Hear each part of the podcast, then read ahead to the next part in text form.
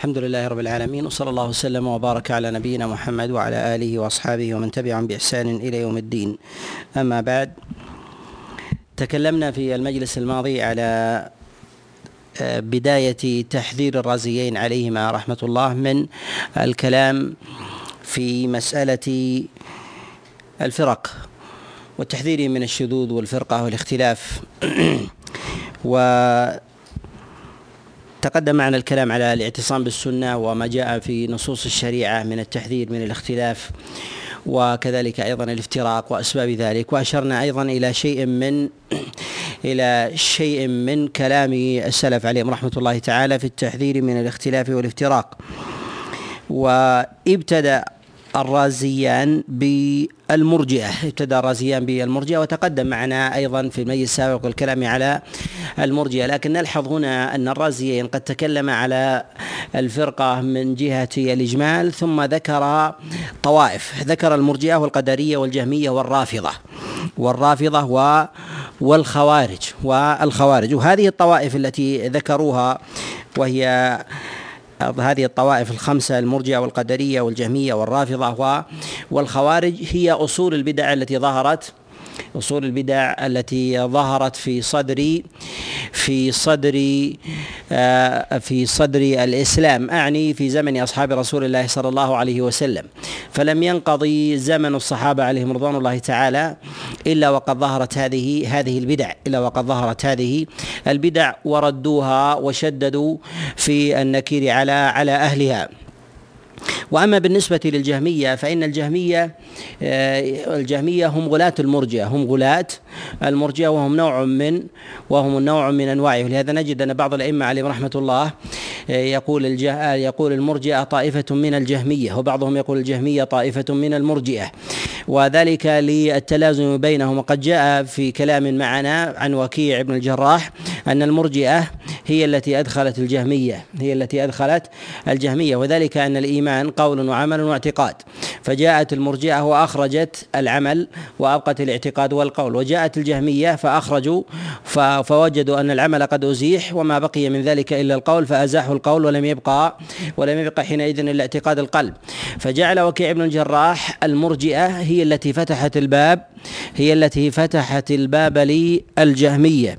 ولهذا نقول إن التجهم والارجاء أن بينهما بينهما رحم. ونجد أن العلماء عليهم رحمة الله إذا تكلموا على هذه الطوائف يذكرون الجهمية يذكرون آه، الجهمية. فإذا تكلموا على آه، طائفة الجهم آه، تكلموا على الإرجاء. وإذا تكلموا على الإرجاء تكلموا على تكلموا على الجهم بن صفوان ومن قال ومن قال بقوله. وهذه الطوائف هي أصول البدع. وذكرها على سبيل التخصيص أن هذه البدع هي أصول الضلال عند الفرق هي أصول الضلال عند الفرق وقد تقسمت وتنوعت عند الطوائف عند الطوائف. فلا يوجد مذهب يسمى يسمى مذهب القدرية ولا يخرج ولا يخرجون إلا بهذا القول. وإنما القول بالقدر هو مذهب ينتحله طوائف ينتحله طوائف. هو شبيه بالفكرة هو شبيه بالفكرة التي ينتحلها أقوام. وذلك كبعض الأفكار مثلا أفكار مادية وأفكار مثلا في بعض العقائد ونحو ذلك. ينتحلها مسلم ينتحلها يهودي وينتحلها نصراني.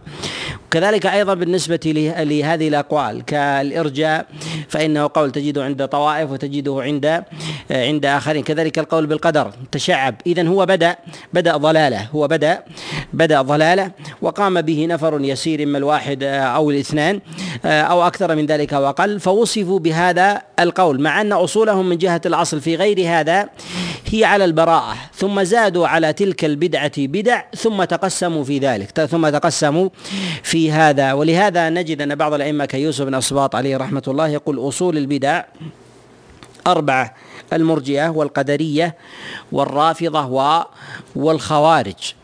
ويوسف بن اسباط ويوسف اسباط رجل خبير ب خبير بالبدعة وذلك أنه من من بيت بدعة فكان أبوه فكان أبوه رافضيا يقول وكان أخوالي قدرية فأنجاني الله فأنجاني الله بسفيان. وهذا آه، لخبرته ذكر هذه الطوائف وأن أصول الطوائف أصول الطوائف والبدع في ذلك هذه الأربعة هي المرجئة والقدرية والرافضة والخوارج. ثم في كل طائفة نشأ تحتها طوائف وزادوا عليها بدع وزادوا عليها وزادوا عليها عليها بدع.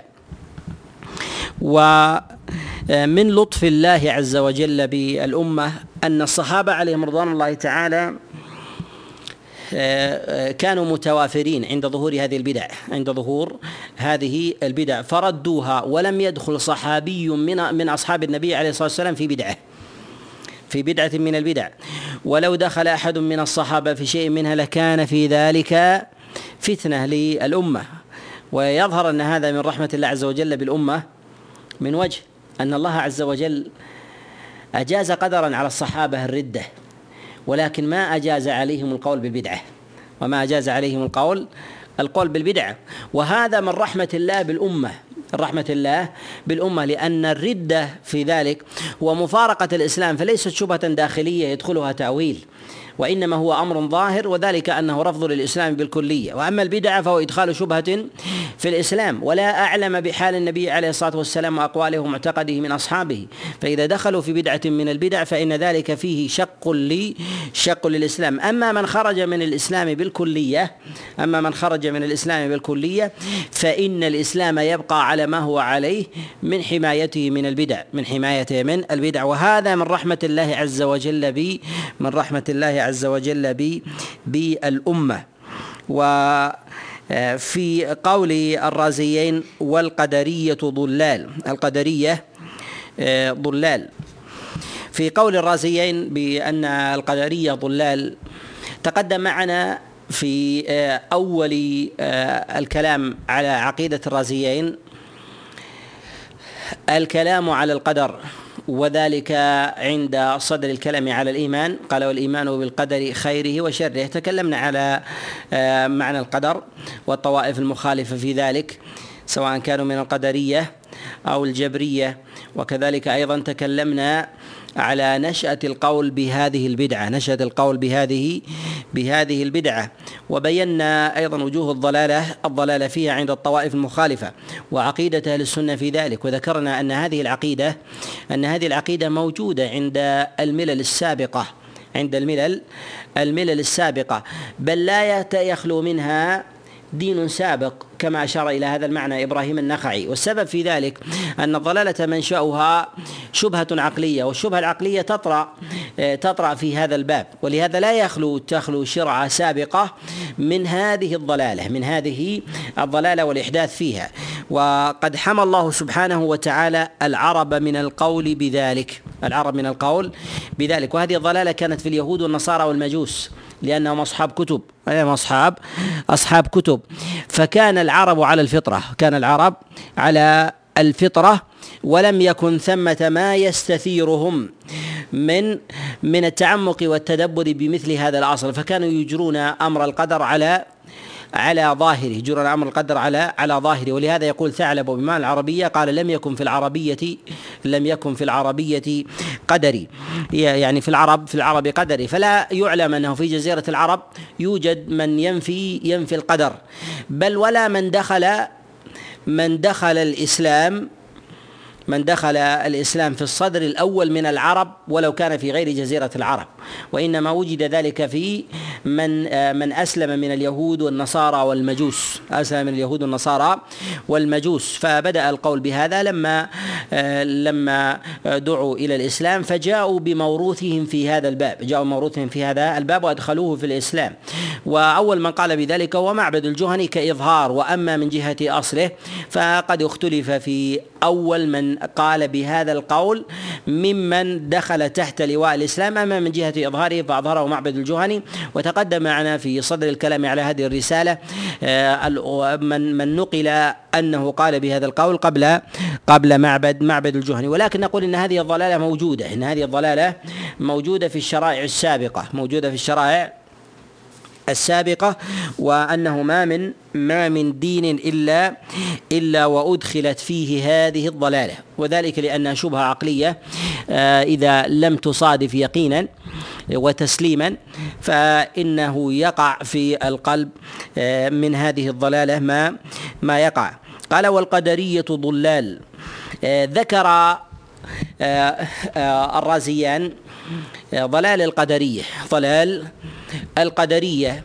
وضلال القدرية أمر مسلم معلوم ولكن بالنسبة لتكفيرهم. الإشارة هنا إلى مسألة الضلال. مسألة الضلال. ولكني أذكر أن النص عند لالكائي أنه فيه أتم من ذلك. فهل هذا موجود عندكم كذلك؟ أنا عندي والقدرية ضلال وأن الجهمية كفار.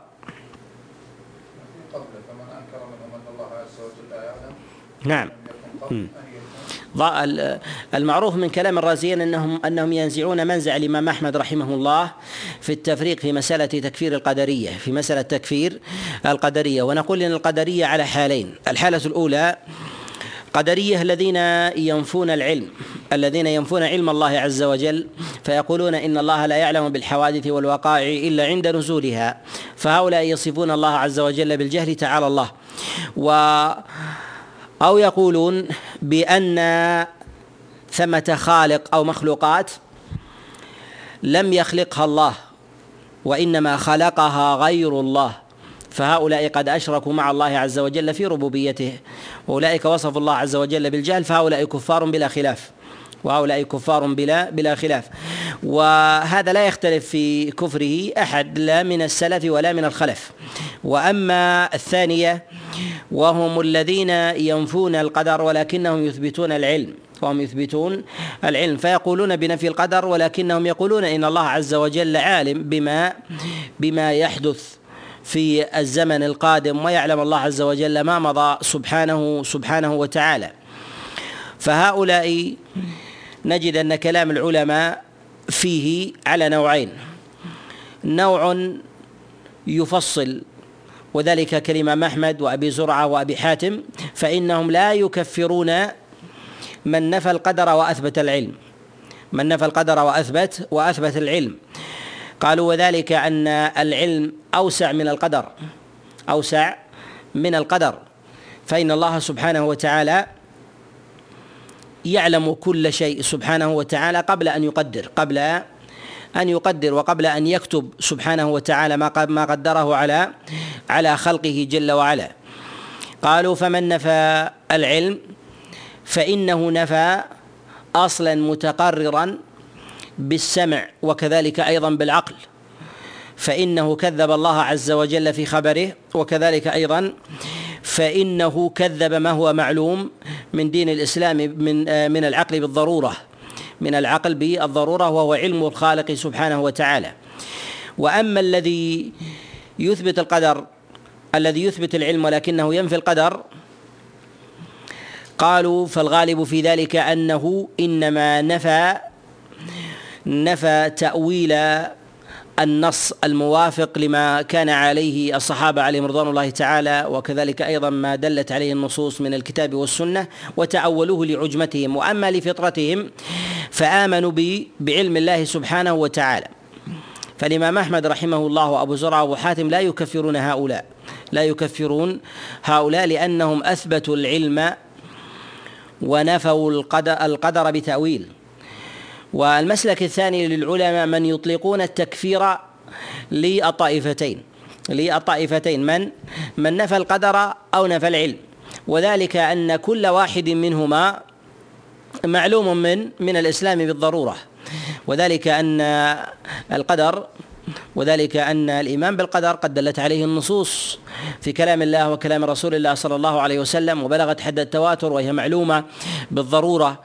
وكذلك أيضا فإن الذي ينفي ذلك ويكذبه مكذب لتلك النصوص مكذب لتلك لتلك النصوص. وهذا المسلك هو الذي يسلكه الأكثر من أهل العلم هو الذي يسلكه الأكثر من أهل العلم. فقد جاء الإطلاق بكفر القدرية عن جماعة من السلف. جاء عن عبد الله بن عباس وعبد الله بن عمر وكذلك الحسن البصري ومالك والشافعي وغيرهم من أئمة الإسلام. ويحتمل أن هؤلاء الذين يطلقون الكفر يريدون الذين ينفون العلم لأن القدرية أول ما ظهرت ظهرت تنفي القدر مع مع نفي العلم وهم غلاة القدرية وهو القول الذي يقول به معبد الجهني ومن تأثر بقوله وهو القول أيضا الذي تقول به الطوائف الطوائف التي دخلت في الإسلام من اليهودية والنصرانية والمجوسية فإنهم ينفون القدر وينفون تبعا لذلك العلم ينفعون تبعا لذلك العلم فيلتزمون بنفي القدر بلازم نفي العلم بلازم نفي العلم. وربما يعضد ذلك أن الإمام مالك رحمه الله وكذلك الشافعي يعرفون القدرية بأنهم نفاة العلم بأنهم نفاة نفاة العلم. فلعلهم حينما كفروا القدرية إنما أرادوا هذا المعنى أنهم أرادوا هذا هذا المعنى. ولهذا ينبغي أن نفرق أن نفرق بين القدرية الذين ينفون القدر وبين القدرية الذين يلتزمون مع نفي القدر آه، بنفي نفي العلم.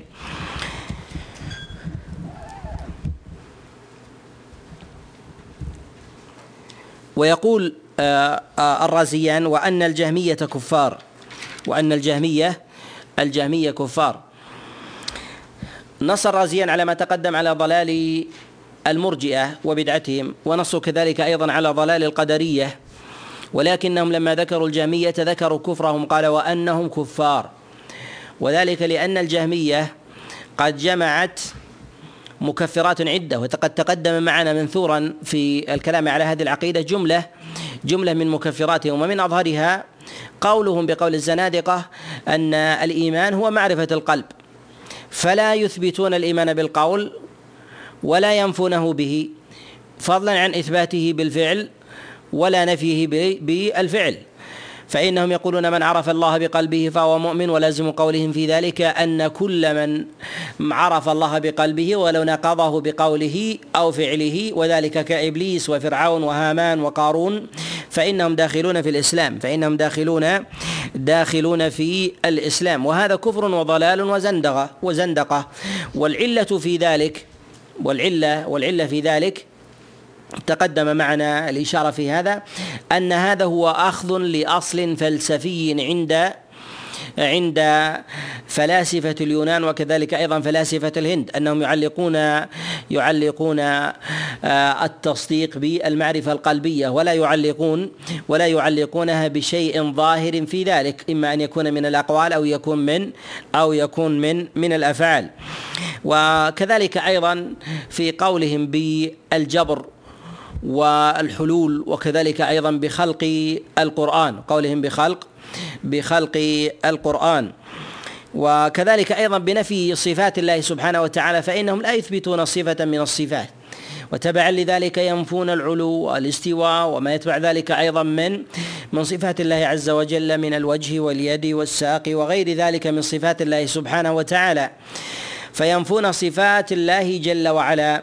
ولهذا يقول آه، حماد عن الجهمية قال إنهم يقولون إنه لا رب في السماء لا رب في السماء. وذلك أن أن أن الذات هي مجموع الصفات فإذا نفيت الصفات فإنه لا ذات فإنه لا لا ذات. وقولهم هذا وقولهم هذا أيضا إنما أخذوه إنما أخذوه من بعض فلاسفة الهند. أخذوه من بعض فلاسفة آه، الهند التي لها اتصال ببلاد خراسان. التي ببلاد خراسان. ومعلوم أن الجامع صفوان خراساني أن الجامع صفوان خراساني. والتقى ببعض الطوائف من فلاسفة الهند فأخذ فأخذ بقولهم ذلك. حتى إنه شبه الله سبحانه وتعالى لما نزع في ذلك أنه ما لا صفة له فإنه لا ذات. قال إنه كالهواء. قال أين ربك؟ وما هو ربك؟ قال كالهواء أو كالروح. الروح فإنها لا ترى ولا صفة لها. لا ترى ولا صفة ولا صفة لها. ويقابل هؤلاء نفاة الصفات غلاة في الإثبات غلاة في الإثبات. فإنه ظهر في خراسان طائفتان ظهر في خراسان طائفتان بدعيتان متقابلتان. الطائفة الأولى هم نفاة الصفات وهم المعطلة وهم الجهمية. الطائفة الثانية المقاتلية وهم غلاة المثبتة.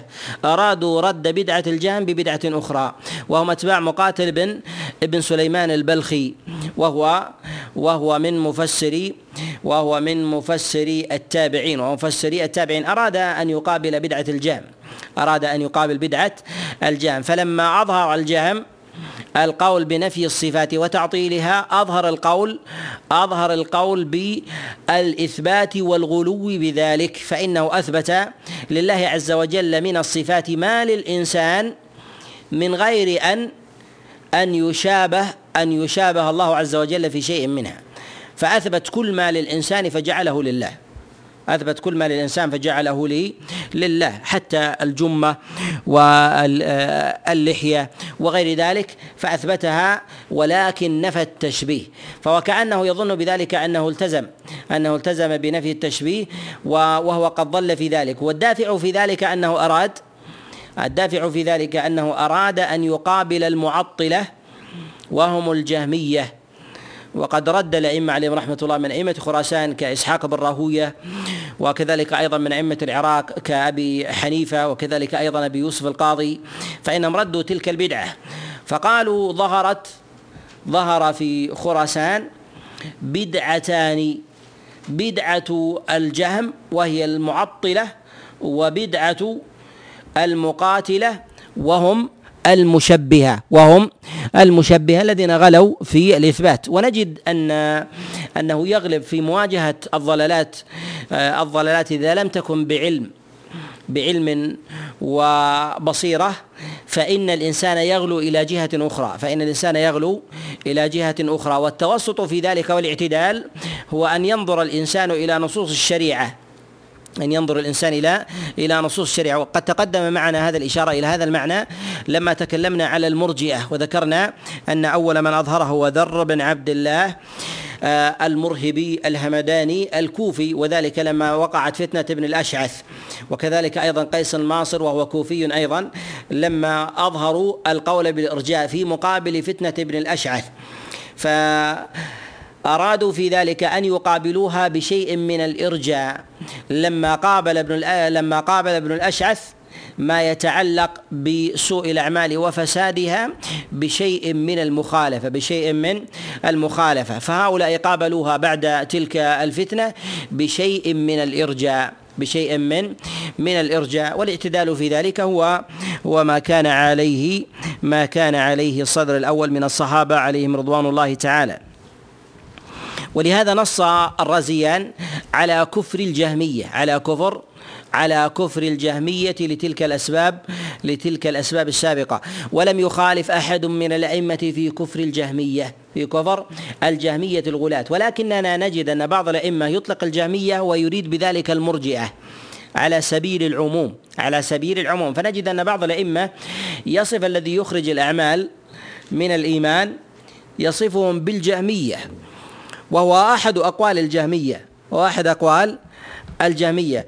ولكن نقول إن مراد الأئمة عليهم رحمة الله في كفر الجهمية هم الغلاة وعلى هذا ينص الأئمة عليهم رحمة الله ولا يختلفون في ذلك ولا يختلفون يختلفون في ذلك. وقد أجمع على هذا القول أهل المدينة وقد حكاه عنهم غير واحد. وقال بكفرهم مالك وكذلك الشافعي والإمام أحمد. وأبو حنيفة وغيرهم من ائمه من ائمه الإسلام. فنجد أن بعض الأئمة حينما يتكلم على الجهميه حينما يتكلم عن الجهمية آه، ينزل ذلك على كل من أخرج العمل وما عداه من الإيمان. ويدخل في باب من باب أولى من أدخل من أخرج القول وكذلك أيضا من أخرج عمل القلب. من أخرج عمل عمل القلب من باب أولى لأن لأن الإيمان من جهة الابتداء يبتدئ بالمعرفة يبتدئ بالمعرفة ثم يكون قول القلب ثم يكون قول اللسان ثم يكون عمل ثم يكون عمل الجوارح. عمل الجوارح. فنجد أن من العلماء من يريد بالجهمية من يريد بالجهمية من أخرج من أخرج العمل من من الإيمان. وكذلك أيضا نجد أن بعض العلماء يطلق الجهمية على من أخذ أصلا من أصولهم ونفى به صفة من الصفات ونفى به صفة من الصفات. فإن لهم أصول وتعليلات في نفي الصفات فمن أخذ آه، تلك ذلك الأصل أو ذلك الدليل ونفى به صفة من الصفات فإن العلماء يصفونه بالتجهم وذلك لأنه عطل صفة من الصفات ولو أثبت غيرها. ومن جهة التحقيق نجد أنه لا يدخل في في وصف الجهمية بالعموم في كلام العلماء. ولهذا ينبغي أن نعرف مراد العلماء عليهم رحمة الله من وصف الجهمية وأن المراد بذلك هو المعنى الخاص. وهم غلاة الجهمية وهم غلاة غلاة الجهمية الذين تبعوا الجهم بن صفوان في قوله.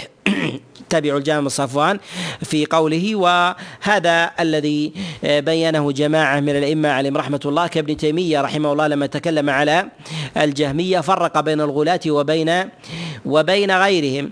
وكذلك أيضا لما رد الدارمي رحمه الله على على بشر المريسي فإنه تكلم على بدعة الجهم وبين مواضع الكفر فيها وبين مواضع مواضع الكفر الكفر فيها.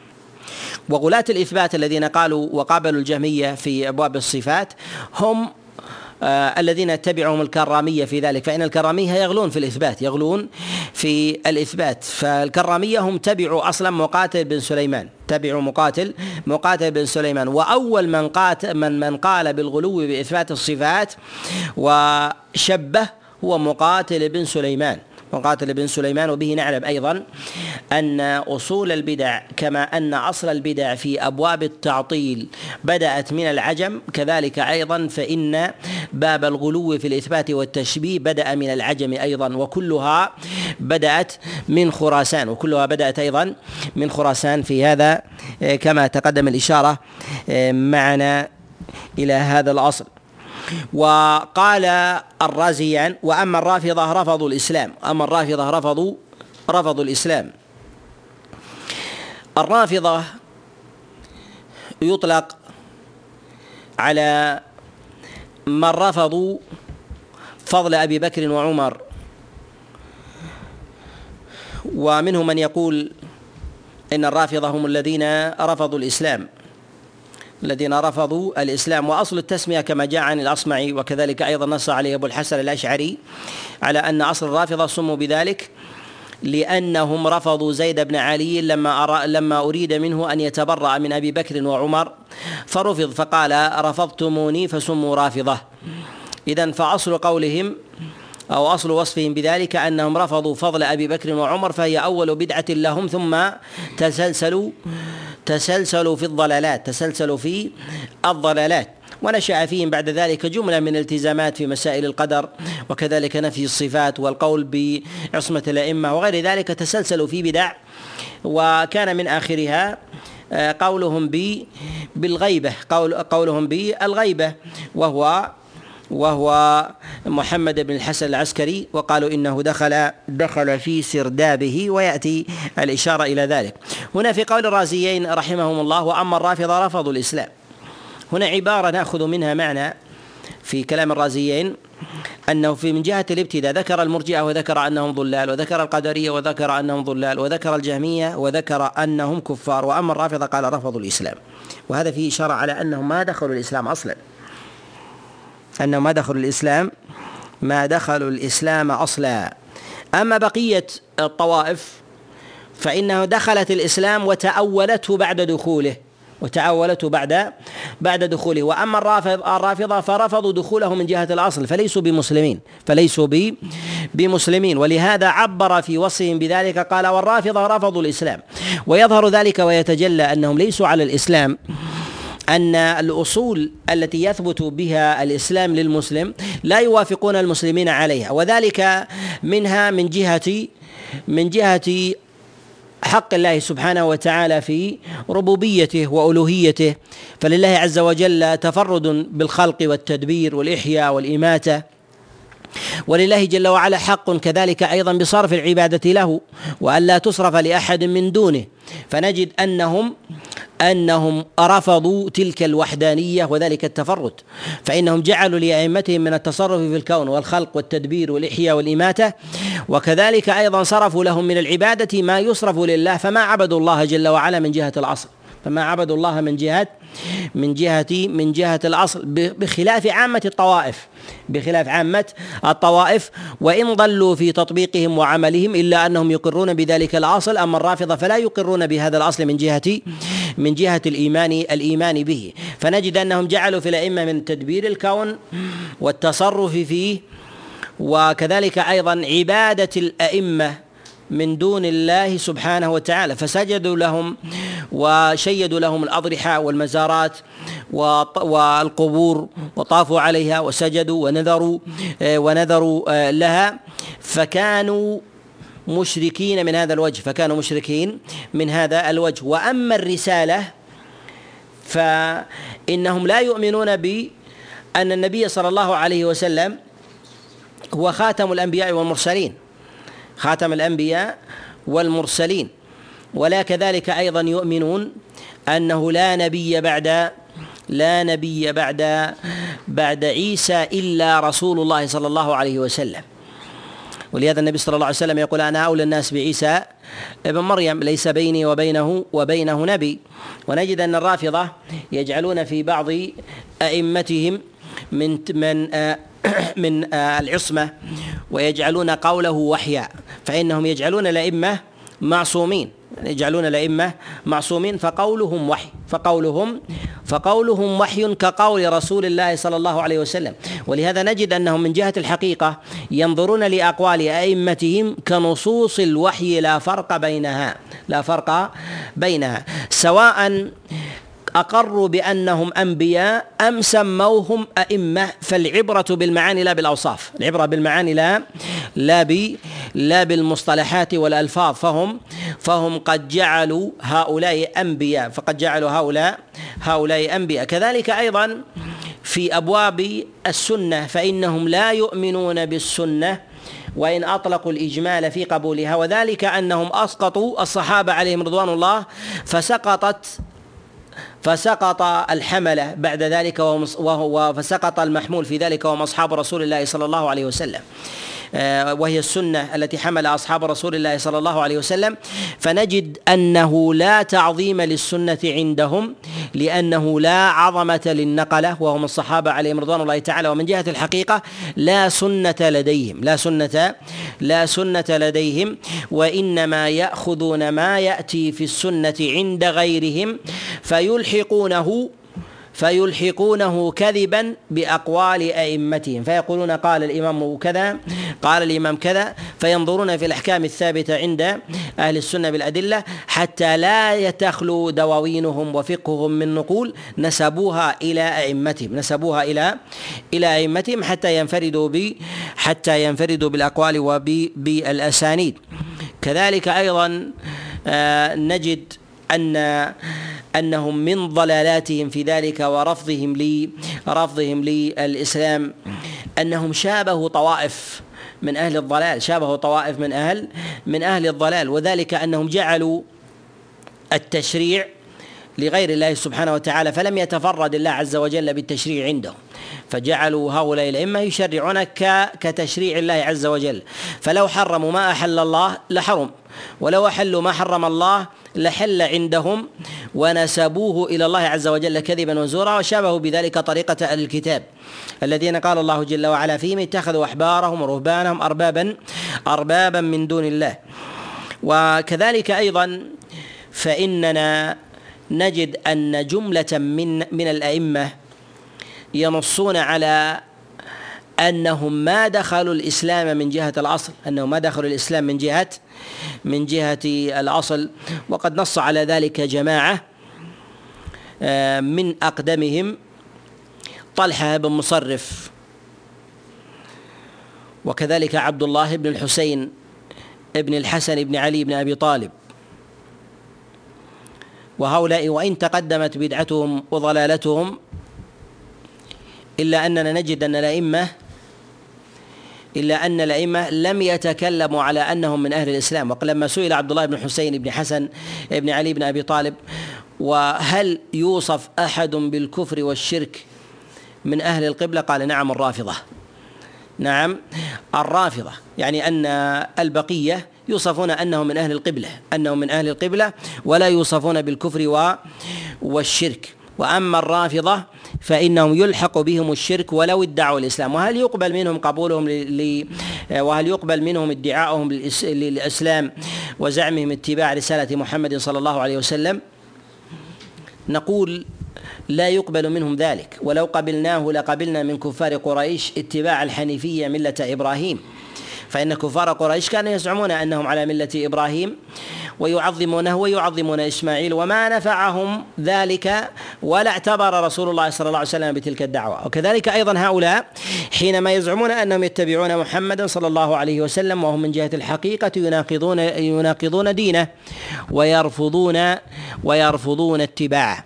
ونجد كذلك أن الأئمة عليهم رحمة الله يجعلون الرافضة أشد الطوائف ضلالا وكفرا. وهذا الإطلاق قد جاء عن غير واحد من الأئمة أنهم أشد أشد الطوائف. أشد الطوائف. ومنهم أبو عبيد القاسم بن سلام. وقبل ذلك عامر بن شراحيل آه، الشعبي آه، عليه عليه رحمة الله أنهم أشد الطوائف ضلالا. بل لا يكاد يوجد بدعة عند طائفة من الطوائف إلا وهي موجودة عندهم أو هي أو مثلها أو أشد منها أو ما يقابلها ما هو أشد كفرا وضلالا. ما هو كفرا وضلالا. فلم يتفوق غيرهم عليهم بالكفر وإنما تفوقوا عليهم تفوقوا على غيرهم بالكفر والضلال. بالكفر والضلال. فنجد مثلا من الطوائف التي يتكلم عليها العلماء بالضلالة وذلك الجهمية وكذلك أيضا الخوارج وغيرهم. نجد أن أن الرافضة هم أشد ضلالا فإن الجهمية يؤمنون بالمصادر والأصول يؤمنون بالمصادر والأصول بخلاف بخلاف الرافضة. كذلك أيضا فإنهم لا يقولون بعصمة بعصمة أحد ولكنهم يتأولون النص.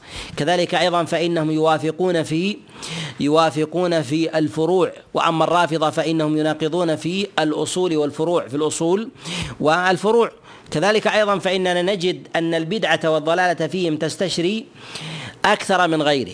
فنجد أن الخوارج أن الخوارج يطعنون مثلا في عثمان وعلي بن أبي طالب وأما الرافضة فيطعنون في أبي بكر وعمر. وكذلك أيضا في عامة الصحابة عليهم رضوان الله.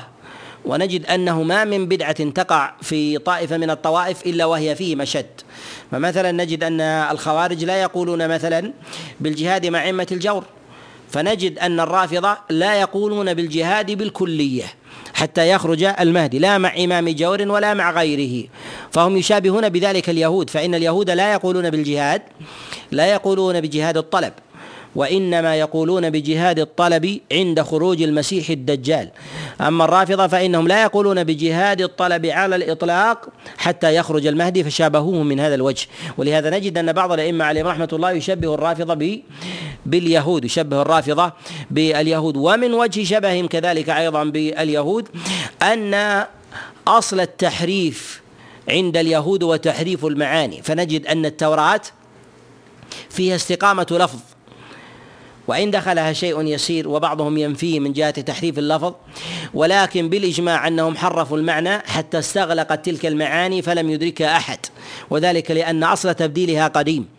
كذلك أيضا الرافضة فإنهم وإن آمنوا بالكتاب المنزل وحملوه بأيديهم وتلوه وقرأوه إلا أنهم حرفوا نصوصه كما حرف اليهود نصوص التوراة. فانفكوا عن المعاني الصحيحة التي كان عليها الصدر الأول من الصحابة والتابعين بل لم يؤمنوا بأحد من أولئك أنه أهل للتأويل.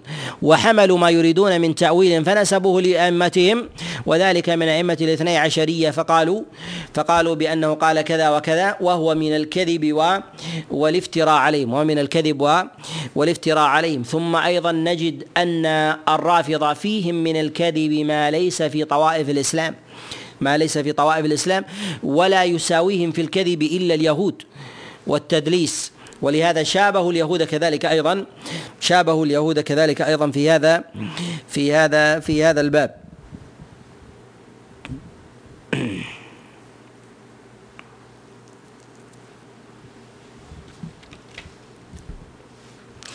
قال الرازيان والخوارج مراق. ذكر آه، هذا هو استدلال بما جاء عن رسول الله صلى الله عليه وسلم من حديث أبي سعيد الخدري. قال يمرقون من الإسلام كما يمرق السام كما يمرق السام من الرمية. والخوارج ظهروا في زمن أصحاب رسول الله صلى الله عليه وسلم. وظهورهم في ذلك كان لهم فيه شبهة بهوى. وقد جاء إخبار رسول الله صلى الله عليه وسلم عن افتراق الأمة واختلافها. وما جاءت نصوص صحيحة عن رسول الله صلى الله عليه وسلم في فرقة بعينها كما جاء عن الخوارج. ولهذا يقول الإمام أحمد رحمه الله صح الحديث فيهم من عشرة أوجه. يعني عن رسول الله صلى الله عليه وسلم. وقد صح فيهم أيضا عن الصحابة شيء كثير. وفيهم من النصوص في ثبوت في آه، فيهم عن الصحابة ما ليس في غيره. وأكثر النصوص ثبوتا في السنة في الطوائف باسمها هم الخوارج والقدرية. وأحاديث القدرية أصح. وأحاديث الخوارج أصح من أحاديث القدرية.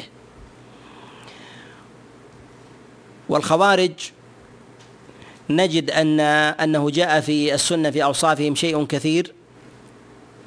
منها ما جاء في حديث أبي سعيد الخدري حدثاء الأسنان سفاء الأحلام يقرؤون القرآن لا يجاوز تراقيهم.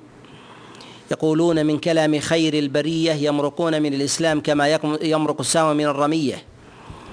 وكذلك أيضا ما جاء في حديث علي بن أبي طالب في حديث عبد الله بن عباس وكذلك أيضا في حديث عبد الله بن أبي أوفى وحديث أبي أمامة الباهلي وغيرهم من أصحاب رسول الله صلى الله عليه وسلم. ونجد أن النبي صلى الله عليه وسلم قد ذكرهم بأوصاف والأوصاف في ذلك على نوعين. أوصاف لازمة وأوصاف غير لازمة. أما الأوصاف اللازمة التي التي اجتمعت عليها الأحاديث فنجد أنها وصفان. الوصف الأول التكفير بغير مكفر. التكفير بغير مكفر. الثاني استحلال الدماء بناء على هذا الأصل. وأما الكلام على التكفير بغير مكفر فإن النبي صلى الله عليه وسلم قال يقتلون أهل الإسلام ويتركون أهل الأوثان وأنهم ما قاتلوا أهل الإسلام إلا لأنهم كفار عندهم إلا لأنهم كفار كفار عندهم. فاجتمع في هذا الحديث هذين الوصفين. ثم أيضا أن ما يطلقه العلماء عليهم رحمة الله من وصف الخوارج أنهم الذين يكفرون بالكبيرة نقول هذا الذي كان عليه أكثرهم في الصدر الأول في زمن وصف الفرق. لا أنه هو الوصف اللازم الدائم وذلك أن الخوارج نجد أن الأئمة عليهم رحمة الله يصفون أيضا الخوارج من كفر أيضا بالصغيرة من باب أولى كابي عبيد القاسم بن سلام. فإنه قال الخوارج الذين يكفرون بالصغيرة والكبيرة. ثم أيضا نجد أن علي بن أبي طالب عليهم رضوان الله وكذلك عبد الله بن عباس وصفهم بذلك مع أنهم ما كفروا ما كفروا بكبيرة. وذلك حينما أراد علي بن أبي طالب الحكمين كفروا بذلك. ومعلوم أن الحكمين ليس ليس بكفر بل هو امتثال لأمر الله. فكفروا بطاعة فكفروا بطاعة. ولهذا جماع الوصف في ذلك هو التكفير بغير مكفر. جماع الوصف في ذلك هو التكفير بغير بغير مكفر. ولازم في ذلك ولازم ذلك هو قتال من كفر من كفر منه. ثم أيضا أن نجد أن الأئمة يجعلون القتال من الأوصاف اللازمة التي لا تنفك عن التكفير بغير مكفر. وأن الإنسان ربما يستحل الدم ولكنه لا يقتل. فما دام مستحلا للدم فهو داخل في حكم الخوارج. فهو داخل في حكم في حكم الخوارج. ولهذا نجد أن هذين الوصفين متلازمين. نجد أن هذين الوصفين متلازمين. فمن قال بالتكفير بغير مكفر فإنه يستحل الدم. فإنه يستحل الدم. وأما من يستحل الدم فلا يلزم من ذلك أن يكون أن يكون مكفرا لأنه قد يكون باغيا. يرى أنه مسلم ولكنه يقاتله لدفعه كالذي يخرج على على حاكم مسلم على حاكم على حاكم مسلم. وهذا وهذا باب آخر. ولكن نجد أن من قال باللازم الأول فإنه يقول فإنه يقول ب فإنه يقول بالثاني. ويوجد بعض الطوائف تكفر بغير مكفر ولكنها لا تقاتل وفي عقيدتها أن الدم حلال. وفي عقيدتها أن الدم الدم حلال. ثم أيضا نجد في هذه الطوائف من طوائف الخوارج من من لا يكفر بالكبيرة وإنما ولا بالصغيرة وإنما يكفر بالإصرار على واحدة منها فهو يكفر بالإصرار. وذلك كالنجدات تبع نجد بن عامر الحروري فإنهم يكفرون بالإصرار. فإذا فعل الإنسان كبيرة ثم لم يصر عليها كالذي يزني مرة أو يشرب الخمر مرة أو يسرق مرة لا يرون أنه كافر. ومع ذلك كان الأئمة عليهم رحمة الله يصفونهم ب يصفونهم بالخروج وذلك وذلك لأنهم يجعلون الإصرار والإصرار ذنب لا يكفر صاحبه. ذنب لا يكفر صاحبه. ولذلك أنهم قد جعلوا لازم الإصرار الجحود. قالوا لأنه لا يصر إلا جاحد. قالوا لا يصر إلا إلا جاحد. فقالوا فقالوا بقول آه، فقالوا بقول الخوارج فلزم قولهم ذلك وأنهم كفروا بغير بغير بغير مكفر. ونجد أنهم آه، أيضا آه، على طوائف وذلك من الصفرية وغيرهم الذين يقولون بأن مرتكب الكبيرة لا يكفر حتى يقام عليه الحد. فيفرقون بين اثنين قد سرق سرقة واحدة الذي أقيم عليه الحد فهو كافر والذي لم يقم عليه الحد ليس ليس بكافر. ونعلم أن النزاع في ذلك هو نزاع في هو نزاع في فروع. ونجد أن العلماء عليهم رحمة الله حينما اجتمعوا على الوصف آه، على الوصف ب آه، بوصف الخوارج بأنهم الذين يكفرون بغير مكفر أنه جامع لهذه الأوصاف جميعا أنه جامع لهذه الأوصاف الأوصاف جميعا. وأما من يلزم بقول أن يوجد من الخوارج من يكفر بغير مكفر ولكنه لا يستحل الدم نقول هذا لا وجود له هذا لا وجود له. ولكن قد يوجد ذلك عملا لكنه لا يوجد اعتقادا. قد يوجد عمل لكن لا يوجد لا يوجد اعتقادا. فنجد أن العلماء عليهم رحمة الله يربطون بين هذا وهذا ولهذا قد جاء عن أيوب بن أبي تميم السختياني لما ذكر أهل الأهواء قال يختلفون في أسمائهم ويجتمعون على السيف. يختلفون في اسمائهم ويجتمعون على السيف. يعني يختلفون في السبب ويجتمعون ويجتمعون على السيف عليه. وهذا وهذا أشار به على أشار به على على الخوارج. وأما الاعتبار الثاني من جهة الأوصاف الواردة في في نصوص الشريعة أنها أوصاف غير لازمة أوصاف غير لازمة. بل الذي يلزم ببعضها ويجعلها أوصاف أوصاف لازمة يلزم من ذلك الذم وبعض هذه الأوصاف منفرد قد يكون عادة وقد يكون محمودا في ذلك في ذاته. وذلك مثلا في تحليق الرؤوس. هذا من العادات ومنه ما هو محمود؟ وهو الصلاة العبادة قراءة القرآن. هذه أمور محمودة إذا غير لازمة هي في ذاتها. غير لازمة هي في في ذاتها. وإنما هي مذمومة إذا التزم غيرها بها. وأول ما يلتزم بها أنهم يقرؤون القرآن لا يجاوز تراقيهم يعني أنهم يقولون به لفظا ويعطلونه معنى. ولهذا يقول عبد الله بن عباس كما كما روى طوس بن كيسان عن عبد الله بن عباس أنه ذكر الخوارج قال يتيهون عند متشابهه. يتيهون عند عند متشابهه وقد ذكر غير واحد من العلماء أن الخوارج يدخلون في قول الله جل وعلا فأما الذين في قلوبهم زيغ فيتبعون ما تشابه منه ابتغاء الفتنة وابتغاء تأويله قالوا في ذلك الخوارج أن ضلالهم في ذلك أن ضلالهم في ذلك هو باتباع المتشابه. فنعلم أن ما جاء في أوصافهم التي ليست بلازمة وهي كثيرة منها حلق الرؤوس. ومنها قراءة القرآن وكذلك أيضا الإكثار من العبادة والصلاة. كذلك أيضا في قتال أهل الأوثان. جاء في ذلك أوصاف منها أنهم يقتلون أهل الإسلام ويتركون أهل الأوثان. إذا قلنا بأن هذا وصف غير لازم يلزم من ذلك احتمال توفره وانتفائه. احتمال توفره وانتفائه. وذلك أنه قد يكون على طريقة الخوارج لكنه لا يقرأ القرآن. وقد يكون على طريقة الخوارج ولكنه لا يكثر العبادة والصلاة. وقد يكون على طريقة الخوارج ولكنه ولكنه كذلك أيضا ولكنه ليس بمحلق لشعره وغير ذلك من الأوصاف. فنعلم أن ثمة أوصاف لازمة وثمة أوصاف ليست بلازمة. ويدل على ذلك أنه قد جاء في صحيح الإمام مسلم أن نجدة بن عامر الحروري كان يسأل عبد الله بن عباس كان يسأل عبد الله بن عباس عن الغنيمة وعن السبي فكان عبد الله بن عباس يجيبه في ذلك. ويستحيل أن عبد الله بن عباس يجيبه عن غنائم المسلمين وعن سبي نساء المسلمين. مما يدل على أن سؤاله إنما كان في سبي قتال أهل الأوثان. في سبي قتال أهل الأوثان. وقد ذكر ابن تيمية رحمه الله في الفتاوى المصرية أن الخوارج يقاتلون العدو ومع قتالهم له يبغون فيه. قال وذلك بالمثلة وغير وغير ذلك.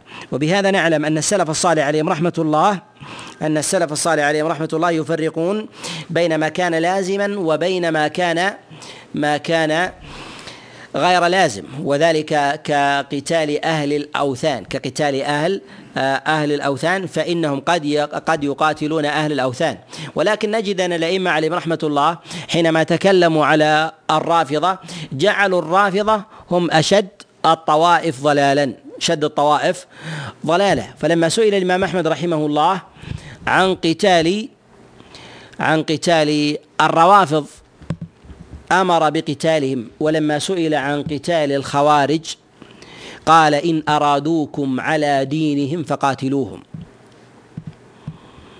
وإن أرادوكم على غيره فلا تقاتلوهم. كأن يقولوا نحن ولاتكم ونحو ذلك. ونجد كذلك أيضا أن الأئمة عليهم رحمة الله فيما يتعلق بأمر الخوارج والرافضة أن السلف يتفقون على أن الرافضة شر من الخوارج. وذلك أن الخوارج قد جاء في وصفهم أنهم يقتلون أهل الإسلام ويتركون أهل الأوثان وأما الرافضة فيعينون أهل الأوثان على أهل الإسلام. فيعينون أهل الأوثان على أهل الإسلام وذلك أشد وأعظم. ولهذا نجد أن الأئمة يتفقون على تحريم إعانة الرافضة على الخوارج. قد أشار إلى هذا المعنى جماعة من الأئمة كابن تيمية رحمه الله في منهاج السنة. وأما حكم الخوارج من جهة التبديع فلا يختلف العلماء على بدعتهم وضلالهم وشرهم وفتنتهم. وأما الكلام على كفرهم نجد ان من الأئمة من يطلق عليهم البدعة ومنهم من يكتفي بالوصف الوارد في الحديث أنهم مراق أو مارقة. كما جاء عن الإمام أحمد رحمه الله أنه سئل عنهم فقال فقال مارقة فأعيد عليه فقال مارقة لا لا أريد أكثر مما جاء في الحديث وكأنه يريد أن يتورع عن وصفهم في ذلك. وقد جاء وصفهم في ذلك في قول النبي صلى الله عليه وسلم يمرقون من الإسلام كما يمرق السهم من الرمية. كذلك أيضا ما جاء عن علي بن أبي طالب فإنه صح عنه أنه وصفهم بالمارقة كما جاء في حديث إبراهيم عن علقمة عن علي بن أبي طالب عليه رضوان الله قال أمرت بقتال المارقين وهؤلاء المارقون. يعني بذلك الخوارج الذين الذين آه، خرجوا على علي بن أبي طالب عليه رضوان الله تعالى. فنقول منهم من يكتفي بالوصف النبوي ومنهم من يطلق عليه البدعة ومنهم من من يكفرهم. ونقول إن من اطلقه أطلق التكفير عليهم أخذ ذلك من قوله عليه الصلاة والسلام يمرقون من الإسلام كما يمرق السام من الرمية في وفي بعض الألفاظ ثم لا يعودون إليه. ثم لا يعودون لا يعودون إليه. وكذلك أيضا منهم من يأخذ ذلك أيضا من قوله عليه الصلاة والسلام يقرؤون القرآن ولا يجاوز تراقيهم يعني لا أثر له على باطنهم لا أثر له على على باطنهم. وجمهور العلماء على تبديعهم وعدم تكفيرهم على تبديعهم وعدم وعدم تكفيرهم. وذهب بعضهم إلى كفرهم وهو مروي عن أحمد وهو قول ابن عقيل أيضا من الحنابلة وظاهر صنيع البخاري رحمه الله حينما أدرج الخوارج في في أحكام المرتدين من كتابه الصحيح والذي عليه الجماهير هو الاكتفاء بوصف النبوة الوارد في ذلك المارقة. وهذا هو ظاهر صنيع علي بن أبي طالب عليه رضوان الله وما عليه جمهور السلف وهو ظاهر قول الإمام أحمد رحمه الله وظاهر كلام الرازيين كذلك هو الاكتفاء بما جاء في الحديث في قوله والخوارج والخوارج مارقة. وكذلك أيضا قد جاء في بعض الأحاديث عن النبي عليه الصلاة والسلام في حديث عبد الله بن أبي أوفى وكذلك حديث أبي أمامة أن النبي صلى الله عليه وسلم وصفهم بكلاب أهل النار بكلاب أهل أهل النار. وظاهر كلام النبي عليه الصلاة والسلام في قوله يمرق يمرقون من الإسلام كما يمرق السام من الرمية يقرؤون القرآن ثم لا يجاوز تراقيهم. إشارة إلى أنهم يقيمون الحروف ولا يعرفون المعاني. وكذلك أيضا في الإشارة هذا إلى معنى من المعاني وهم أنهم لا ينظرون إلى حكم إلا بأنفسهم فلا يأخذون عن عالم عن عالم معتبر فإذا كان ذلك في الصدر الأول في زمن الصحابة عليهم رضوان الله تعالى فإن من بعدهم من بعدهم من باب أولى من باب من باب أولى. وهذه سمة غالبة والعجب أنه في زمن الصحابة عليهم رضوان الله تعالى ظهروا وكان الصحابة متوافرون وليس في صفهم أحد منهم. ومع ذلك أزروا بهم واحتقروهم وكان منهم من يقبح ويلمز ويطعن بأصحاب رسول الله صلى الله عليه وسلم سواء كان ممن تحت لوائهم أو من تأثر بنزعتهم كعبيد الله بن زياد وقد وصف أنه فيه حرورية. وقد جاء عند أبي داود أنه قال لأبي برزة الأسلمي عليه رضوان الله قال محمديكم هذا يشير في ذلك إلى أنه صاحب محمد عليه الصلاة والسلام. فقال أبو برزة ما ظننت أني أعيش وأعير بصحبة رسول الله صلى الله عليه وسلم. وكذلك أيضا في قوله لبعض الصحابة إنك من نخالة أصحاب رسول الله صلى الله عليه وسلم. فقال اولي اصحاب رسول الله نخالة يعني أنهم في الفضل والجلالة وأصل الصحبة سواء. وهذا فيه إشارة على أنهم إنما يعتمدون بالأدلة بما يقرؤونه فلا يعظمون معنى يحمله عالم ولا يحمله منصف. وهذا من وجوه وهذا من وجوه الضلال.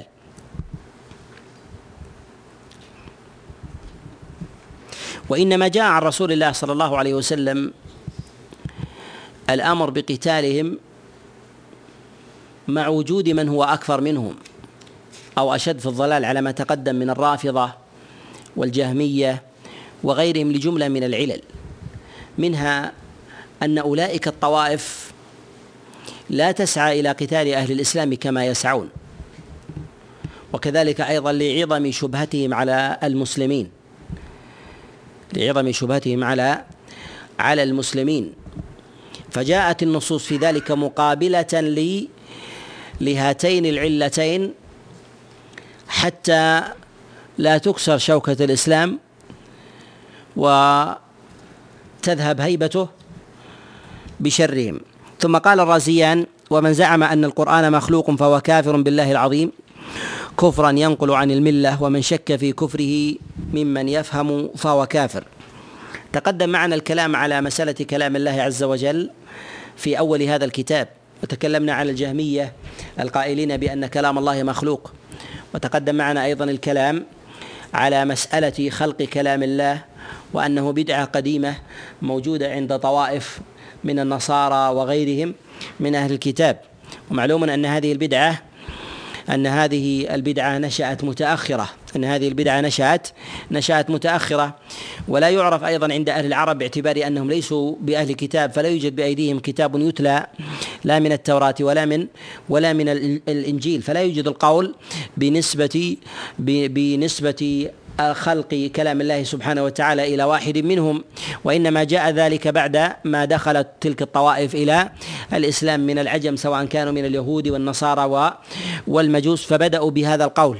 ولهذا آه، نجد أن عامة الصحابة عليهم رضوان الله لا يحفظ عنهم قول في ذلك. وأمثل ما جاء في ذلك أثران.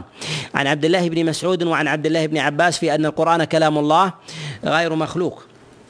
ويتقدم الكلام على هذين الأثرين في صدر في صدر آه هذه الرسالة. وفي قول الرازيين ومن زعم أن القرآن مخلوق فهو كافر بالله العظيم. فهو كافر بالله العظيم. لا خلاف عند العلماء في ذلك. وذكرنا جملة من الأسباب التي كفر فيها العلماء عليهم رحمة الله من قال بخلق القرآن لأنه صفة صفة لله عز وجل. القرآن كلام الله ومن قال بخلق الصفة يلزم من ذلك أن يقول بخلق بقية الصفات وذلك كالوجه واليد وغير ذلك. كذلك أيضا فإنه من قال بخلق القرآن فإنه يقول ب فإنه يقول بعدم تعظيمه وهذا لازم لذلك القول. فإنه إذا لم يكن صفة من صفات الله سبحانه وتعالى فإن التعظيم لمعناه. ولهذا يلتزم بعض الطوائف من الزنادقة وغيرهم بأنهم لا يرون أن القرآن معظم ولا يكفر من رماه ولا من وطأه ولا غير ذلك ممن آه، ممن آه، يهين القرآن لأنه يرى أنه كسائر المخلوقات. ولو كان آية فهو كالشمس والقمر والنجوم والكواكب وغيرها فإنه ليس ليس بكافر. ونجد أن الطوائف في هذا في هذا الباب هم على أنواع. منهم من من حفظ التعظيم للنص ولم يعظم الحرف. عظم المعنى وما عظم الحرف. فنجد أن هؤلاء فنجد أن هؤلاء ظلوا ظلوا في أبواب تكفير من أهم من أهان القرآن وكذلك أيضا أنهم قالوا بخلق كلام الله سبحانه وتعالى وطوائف وطوائف إنهم لم يعظموا الحرف ولم يعظموا المعنى. لم يعظموا الحرف ولم يعظموا المعنى. ونشأ عن هذه الطائفة البنيوية وتقدم الكلام معنا من الطوائف الحديثة وإن كان أصلها أصلها قديم. الذين الذين يتعاملون بالنصوص على أنها نصوص مفتوحة للإنسان أن يرد وأن يأخذ ما شاء بالمعنى الذي يريد. فيرى أن هذا النص مفتوح خذ منه ما تشاء. خذ منه ما ما تشاء من المعاني. فيقول إن ما جاء عن الصحابة من تفسير وتفسير صحيح لهم ونأخذ ما نشاء من هذه التفاسير ويتعولون. وهؤلاء يوافقون الطوائف الباطنية يوافقون طوائف الباطنية. على كل نقول إن هذا التفصيل لا حاجة إليه باعتبار أنه تقدم الكلام عليه والكلام على الطوائف التي خالفت في هذا في هذا الباب. قال كافر بالله العظيم كفرا ينقل عن الملة ومن شك في كفره ممن يفهم فهو كافر. وهذا القيد من الرازيين هو قيد دقيق قال من يفهم لأن من شك بجهل من شك بجهل وعدم علم أنه لا يقال بكفره أنه لا يقال لا يقال بكفره. وذلك لأن هذه المسألة قد تشتبه على بعض العامة قد تشتبه على بعض على بعض العامة. وتقدم معنا الكلام أيضا على بعض المسائل. من ما يتعلق بمن قال لفظي بالقرآن مخلوق أو الذين يسكتون. فلا فيقول إني لا أقول مخلوق ولا أقول غير مخلوق أو يقول كلام الله ويسكت. وقد قسم الإمام أحمد رحمه الله الجهمية في أبواب خلق القرآن على طوائف ثلاثة. الطائفة الأولى الذين يقولون هو القرآن مخلوق أو يقولون كلام الله مخلوق. الطائفة الثانية الذين يقولون نتوقف.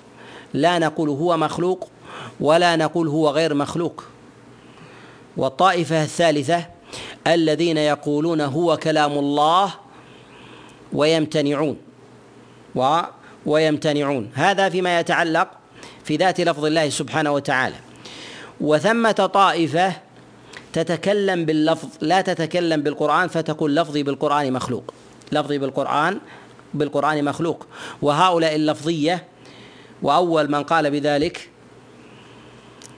هو الحسين الكرابيسي وقال به داود بن علي الظاهري وقال به أيضا إسحاق ابن أبي إسرائيل ومصعب الزبيري ونسب هذا القول لابن علي الحلواني.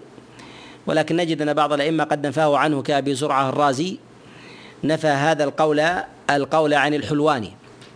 وعلى كل نقول إن هؤلاء يقول الإمام أحمد رحمه الله إنهم شر من من الجهمية.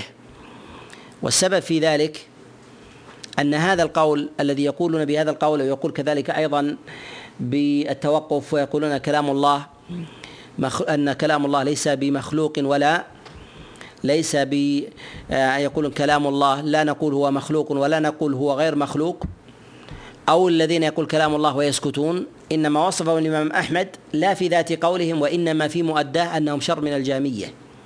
والعلة في ذلك أن زمن الإمام أحمد رحمه الله كان زمن شدة واضطراب ونزاع فكان النس في ذلك على صفين شر بين وحق بين. شر بين وحق وحق بين. والشر البين هم الذين يقولون بأن كلام الله مخلوق والحق البين الذين يقولون هو كلام الله وليس بمخلوق. هو كلام الله وليس بمخلوق. الطائفة التي تأتي في النصف لما كانت الهيبة هيبة للسلطان تسببت بأخذ أهل الحق لا بانجرار أهل الباطل. لا بانجرار أهل أهل الباطل. ولهذا كان الإمام أحمد رحمه الله يصفهم بأنهم أشد من الجهمية ضررا على أهل الحق لجلاء الحق. فجاءوا بهذه الشبهة فأخذوا ما بقي من أهل الحق ليزعموا أنهم يتوسطون بذلك. يزعم أنهم يتوسطون يتوسطون بذلك. وقد تقدم معنا أنه في زمن الشدائد والفتن لا يخلو الزمن من أقوام يزعمون أنهم يتوسطون الحق. أنهم يتوسطون الحق. تقدم معنا هذا في في مواضع. تقدم معنا هذا في مواضع وليس كذلك؟ منها قول الحسن ابن محمد ابن الحنفية لما توسط في مسألة عثمان وعلي بن أبي طالب. أليس كذلك؟ وهو أول من قال بأن نتوقف فيهما ونرجي أمرهما نرجي أمرهما إلى الله. أرادوا بذلك أن يتوسطوا أن يتوسطوا بين السبائية وبين الخوارج.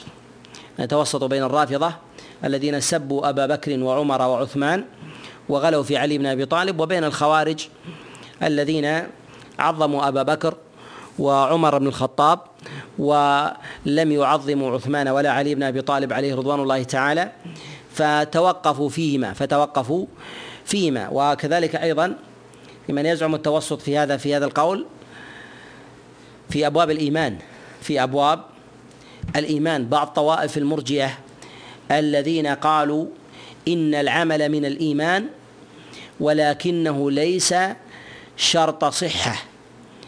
ليس ليس شرط صحة. أرادوا أن يتوسطوا بين بين السلف الصالح وأهل السنة. وبين الجهمية في هذا القول فجاءوا بقول لم يسبقهم إليه أحد لم يسبقهم إليه إليه أحد. وكذلك أيضا ما تقدم معنا في هذا في هذا الباب. نكتفي بهذا القدر وأسأل الله عز وجل لي ولكم التوفيق والسداد والإعانة. إنه ولي ذلك والقادر عليه. صلى الله وسلم وبارك على نبينا محمد.